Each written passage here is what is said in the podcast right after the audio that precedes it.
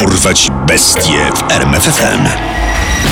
Imię i nazwisko: Joseph James D'Angelo Jr., pseudonimy: grabieżca z Weisselia, gwałciciel z Eastside, oryginalny nocny prześladowca, lista przestępstw, około 120 włamań, 50 gwałtów i 13 morderstw, miejsce i okres działalności: Kalifornia, lata 1974-1986, skazany na 11 wyroków dożywocia. Joseph James D'Angelo Jr. przez lata służył w kalifornijskiej policji. Żaden z jego kolegów po fachu nie podejrzewał, że D'Angelo odpowiedzialny jest nie za jedną, nie za dwie, ale aż za trzy fale zbrodni, które wstrząsnęły całym stanem. Co więcej, jego zbrodnicza działalność nigdy nie wyszłaby na światło dzienne, gdyby nie wnikliwe testy DNA przeprowadzone dekady po makabrycznych wydarzeniach z przełomu lat 70. i 80. Jednak mroczna historia Josepha D'Angelo zaczyna się znacznie wcześniej. Urodził się w 1945 roku w Bath w stanie Nowy Jork w rodzinie Katie DeGroat i Josepha Jamesa D'Angelo seniora. Miał dwie starsze siostry i młodszego brata. D'Angelo senior był sierżantem w armii USA i tuż po wojnie został wysłany, by stacjonować w Niemczech Zachodnich. Tam, według relacji jednego z krewnych, młody James po raz pierwszy doświadczył zła. Miał zaledwie kilka lat, gdy musiał oglądać to okropieństwo. Dwaj koledzy jego ojca, żołnierze armii amerykańskiej, zgwałcili siedmioletnią siostrę Jamesa, a jemu kazali patrzeć. To nie był koniec traum dzieciństwa dla młodego D'Angelo. Jedna z sióstr otwarcie mówiła, że ojciec traktował małego Jamesa jak worek bokserski, na którym rozładowywał wszelkie swoje frustracje. Po powrocie do Stanów Zjednoczonych rodzina przeprowadziła się do Kalifornii. James grał w szkolnej drużynie baseballowej i osiągał całkiem niezłe wyniki w nauce, ale miał też mroczną stronę, o której mało kto wiedział. Po zdaniu matury D'Angelo postanowił wstąpić do marynarki wojennej. Szybko trafił na wojnę w Wietnamie, gdzie przez 22 miesiące służył na krążowniku USS Canberra i niszczycielu USS Piedmont. Po powrocie z wojny studiował bezpieczeństwo wewnętrzne na Sierra College w Rocklin w Kalifornii, a potem prawo karne na Uniwersytecie Stanowym w Sacramento.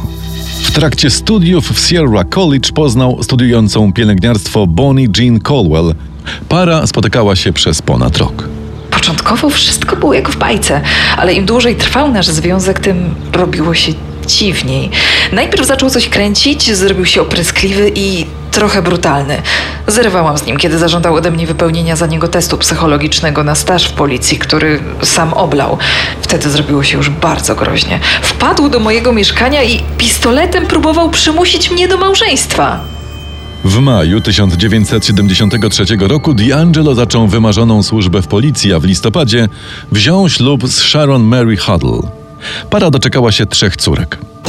Mimo pozornego szczęścia w życiu prywatnym i zawodowym, mroczna strona Josefa wciąż dawała o sobie znać.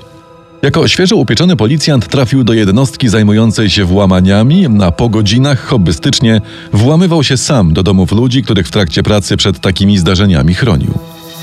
Podczas swojego pierwszego włamania skradł 50 dolarów w bilonie, rozbijając dziecięcą świnkę skarbonkę. W latach 1974-76 do podobnych włamań doszło ponad 120 razy. Wszystkie włamania łączyły jednak pewne szczegóły. Znowu ten sam modus operandi. Przeszedł od strony parku, spiął się na płot, z zewnątrz otworzył kilka okien, by zapewnić sobie kilka dróg ucieczki. No a gdy dostał się do środka, otworzył także bramę garażu i drzwi zewnętrzne. Przy drzwiach ustawił naczynia i butelki, tak by hałas w porę go ostrzegł.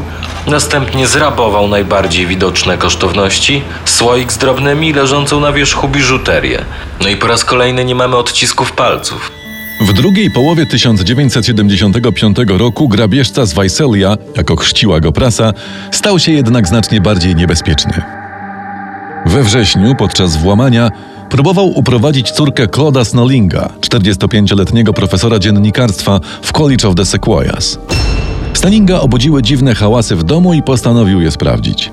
Wychodząc z sypialni, zauważył otwarte tylne drzwi domu. Wybiegł przez nie i ujrzał ubranego w maskę narciarską napastnika, który ciągnął za sobą córkę Snellinga.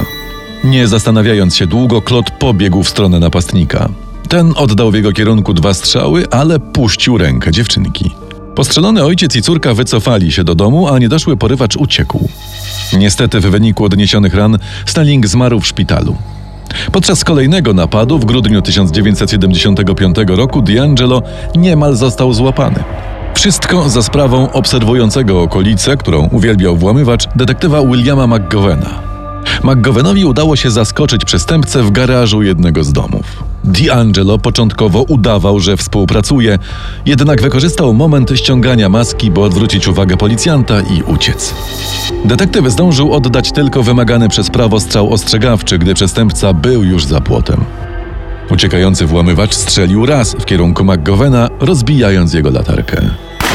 W 1976 roku rodzina Jamesa D'Angelo przeprowadziła się w okolice Sacramento. Wraz ze zmianą dzielnicy mężczyzna postanowił także poszerzyć zakres swojej zbrodniczej działalności. Do stałego repertuaru włamań i kradzieży doszły także brutalne gwałty. Prawdopodobnie zrażony niepowodzeniem w domu Claude'a Snellinga, początkowo wybierał na cel domy, w których kobiety mieszkały same i prowadził długą, metodyczną obserwację, nim przystąpił do ataku. Przestał także ukrywać twarz za maską i często zamiast uciekać od razu po przestępstwie, spędzał wiele godzin w domu ofiar, racząc się jedzeniem i piwem lub dokładnie przeszukując cały dom w poszukiwaniu wszystkich kosztowności. Ze względu na te różnice, ani policja, ani media nie łączyły spraw gwałciciela z Eastside ze wcześniejszym grabieżcą z Visalia. Ponieważ przestępca zrezygnował z maski, większość ofiar była w stanie z mniejszym lub większym stopniem dokładności opisać jego wygląd. Na podstawie tych zeznań stworzono kilka portretów pamięciowych, ale nawet one nie pomogły w schwytaniu przestępcy. Po początkowych sukcesach z samotnymi kobietami D'Angelo rozzuchwalił się i zaczął obierać na cel pary. No dobrze. Teraz zwiążesz swojego kochasia, a potem przyjdziesz tu do mnie. No chyba, że chcesz, żebym najpierw zastrzelił jego, a potem ciebie. Przez trzy lata policjant Joseph D'Angelo zgwałcił 50 kobiet. W lipcu 1979 roku z hukiem wyleciał ze służby. Przyczyną nie była jednak jego wieloletnia przestępcza działalność, a skarga złożona przez właściciela sklepu z narzędziami, z którego policjant ukradł młotek i środek odstraszający psy. Gdy Wydział Wewnętrzny zajmował się skargą, D'Angelo został zawieszony. Wolny czas postanowił wykorzystać w kuriozalny sposób, prześladując szefa policji.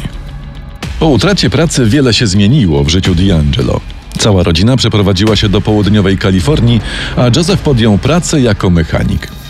Zmienił też podejście do popełnianych przez siebie przestępstw. Od teraz zamierzał mordować ofiary swoich napadów i gwałtów.